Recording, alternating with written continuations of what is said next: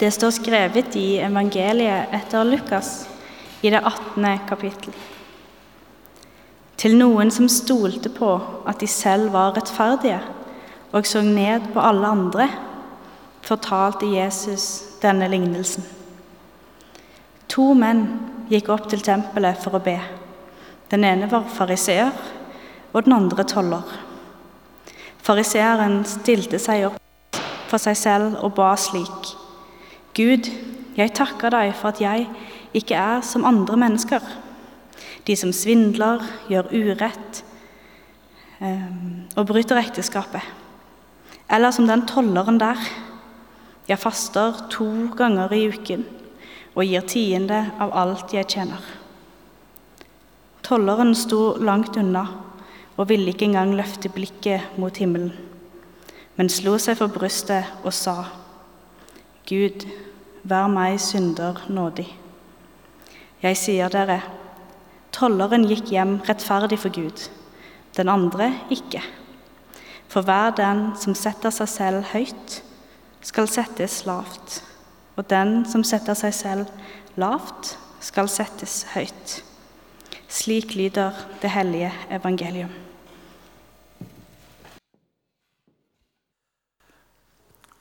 Noen har kanskje merka at det av og til smeller og knitrer litt i rommet her i dag.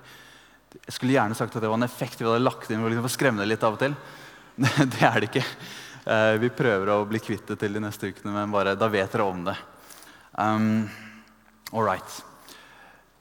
Jeg vet ikke med dere, men jeg eh, bærer på en sånn drøm som jeg sjelden deler med noen, men jeg føler at dette er et trygt rom. Eh, jeg, jeg, de, jeg, bærer på en sånn um, liten drøm om å en gang få et brev. uh, som sier at du har et talent, du har en gave.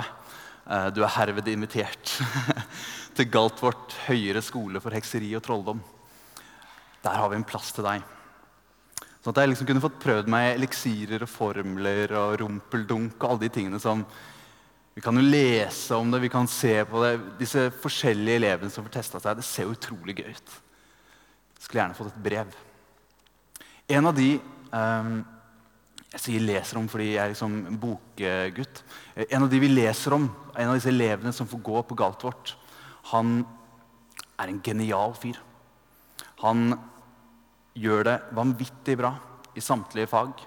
Han får så å si alle skolens sånne ærespriser som er mulig å få.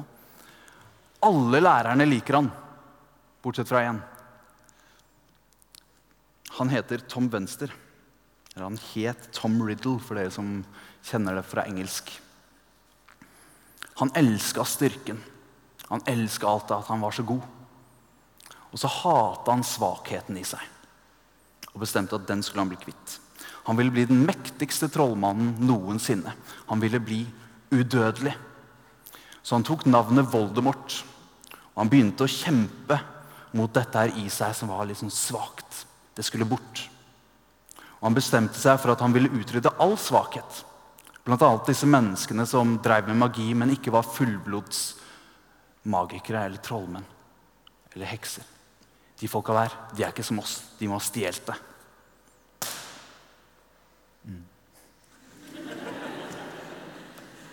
Kanskje vi har lagt inn. Rundt seg så samler Voldemort en gjeng med det han anser som sterke trollmenn fra mektige familier. De har makt, de har penger, de er fullblods. Og de hadde også et hat mot folk som var annerledes. Og så er historien om Harry Potter vanvittig nervepirrende. For fremst i kampen mot denne gjengen med mektige trollmenn finner vi en skolegutt med runde briller og et arr i panna. Og så har han med seg noen venner fra klassen, liksom. La oss se åssen dette går. Og de vennene, de er jo ikke vet, Hvordan skal man si det? De er kanskje ikke Eller det vet vi egentlig. De fikk ikke kun s-er i sine ugle- og øgle-eksamener, den gjengen her. Og de hadde i hvert fall ikke kommet inn gjennom Voldemort sine opptakskrav for dødseterne. Du har Ronny, som er sånn middels på skolen, og som stadig får høre det at familien din dere har jo ganske lite penger. Og så har du Nilus, Neville, som kort sagt kløner til alt han holder på med. Eh, du har Hermine. Hun er, hun er ganske genial. Men hun er født av ikke-magiske foreldre, gomper, og derfor heller ikke god nok i Voldemort sine øyne. Du har Lulla, du har eh, også kalt Luna, eh, som basically er skikkelig sær. Uh, og hun blir mobba for det. Dette her er gjengen. Jeg kunne fortsatt, men dere skjønner poenget. ikke sant? Denne gjengen her, de skal kjempe mot tidenes største onde trollmann og hans hær. Det er ikke noe dream team Harry Potter har rundt seg. og Hvis man leser i femte boka, tror jeg, så tror jeg også Harry tenker det selv. liksom, Den gjengen her, åssen skal dette gå? I dagens bibeltekst så forteller Jesus om to mennesker. Eh, han ene var fariseer, altså han var sykt opptatt av Gud og sånn. Han ba jevnlig. Han ga 10% av alt han tjente, til andre mennesker. Han fasta to ganger i uka. Kanskje ville du sagt veggis eller veganer nå for tida. Han gjorde rett og slett ganske mye bra. Og så forteller Jesus om en annen fyr. Han var toller, han jobba med okkupasjonsmakten. Han var nok ganske rik og brukte nok også posisjonen sin til å gjøre seg enda rikere. Stjele fra de som hadde mindre. Og Så sier Jesus han tolleren, han som driver og stjeler, han har skjønt det. Han fariseeren, han burde skjerpe seg. Ganske sånn what-ting å si. Hva skjer? Og Det handler ikke om det de gjør, nei, det handler om det måten de ser på seg selv, og måten de snakker til Gud om seg selv. Fordi fariseeren han sier ah, Gud, tusen takk for at jeg er genial. Jeg er jo perfekt og smart og sterk. Takk for at jeg ikke er som de andre der borte. Mens tolleren han kommer fram og sier, Gud, jeg vet så godt at jeg ikke er perfekt. Jeg trenger deg. Jeg trenger hjelp.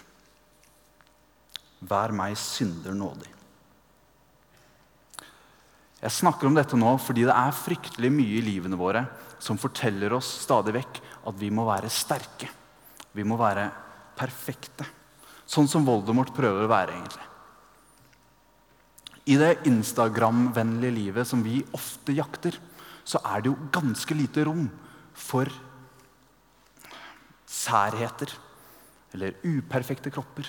Eller mål som ikke ble oppnådd svake resultater. Det er rett og slett ikke rom for menneskelighet i ganske mye av det vi omgir oss med. Alt det som gjør oss til oss, er det liksom ikke plass til. Og Jeg er redd for at vi da ender opp med å leve i frykt for at noen skal se hele oss, også våre svakheter. At vi begynner å hate svakheten i oss. At vi glemmer at vi egentlig er som alle andre, med feil og mangler. Det er fascinerende å lese om dødseterne som samler seg rundt Voldemort. Altså denne hæren som Voldemort har med seg. De gjemmer seg bak masker. Og samtlige er livredde for at Voldemort skal snakke til dem.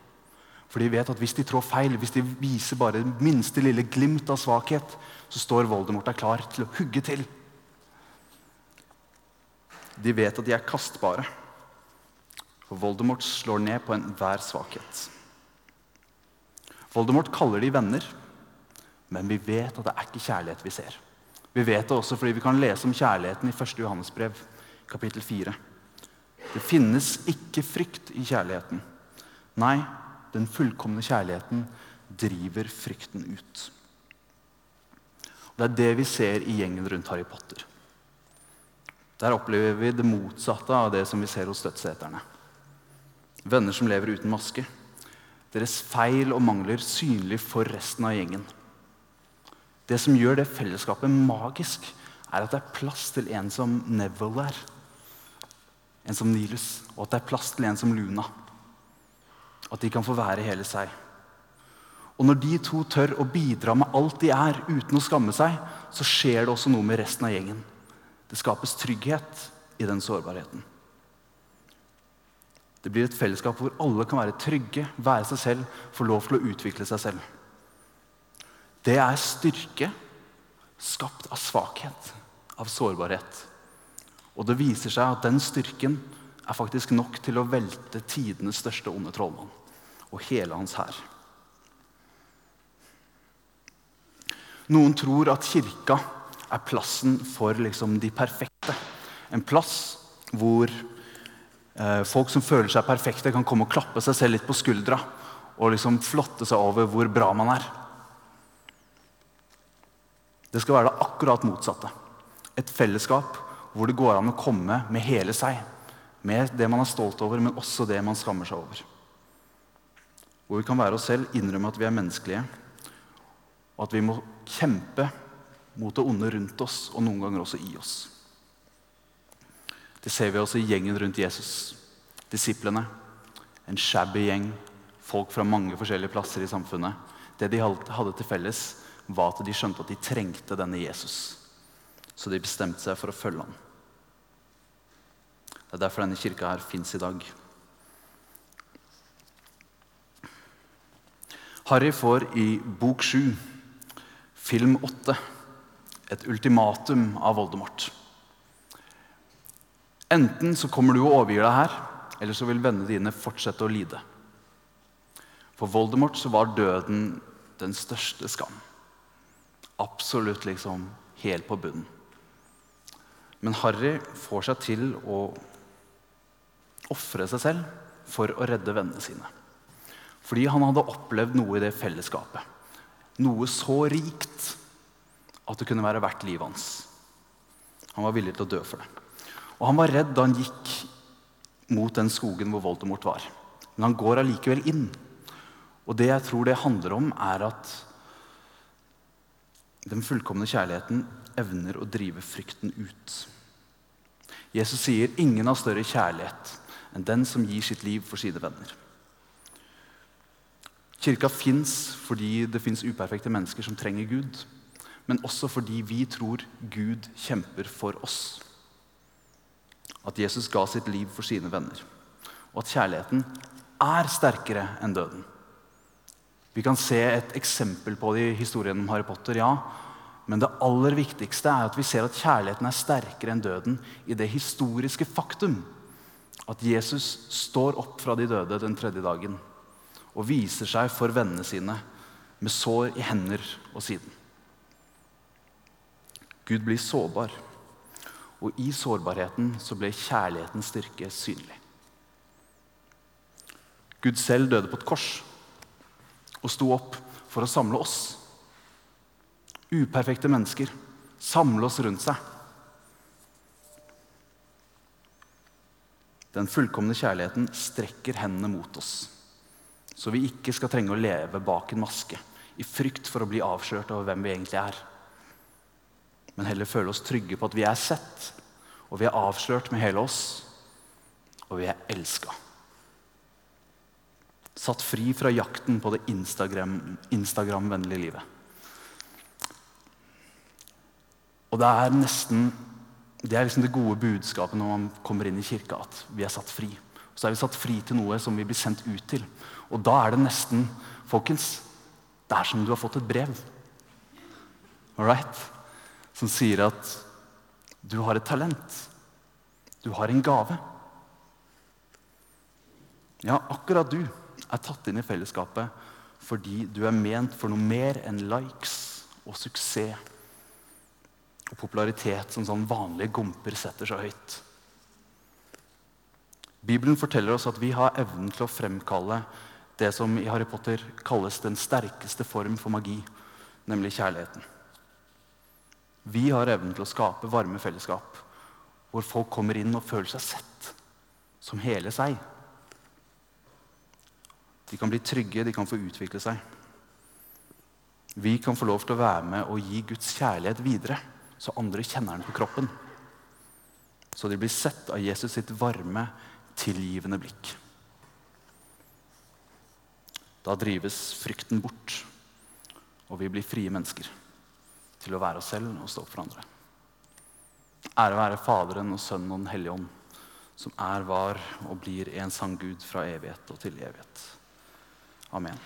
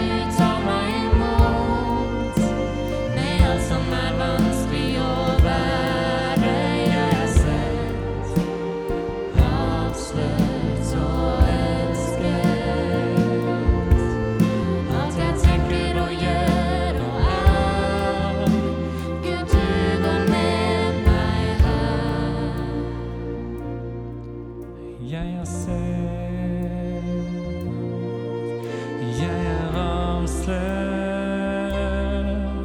jeg har sett, har sett.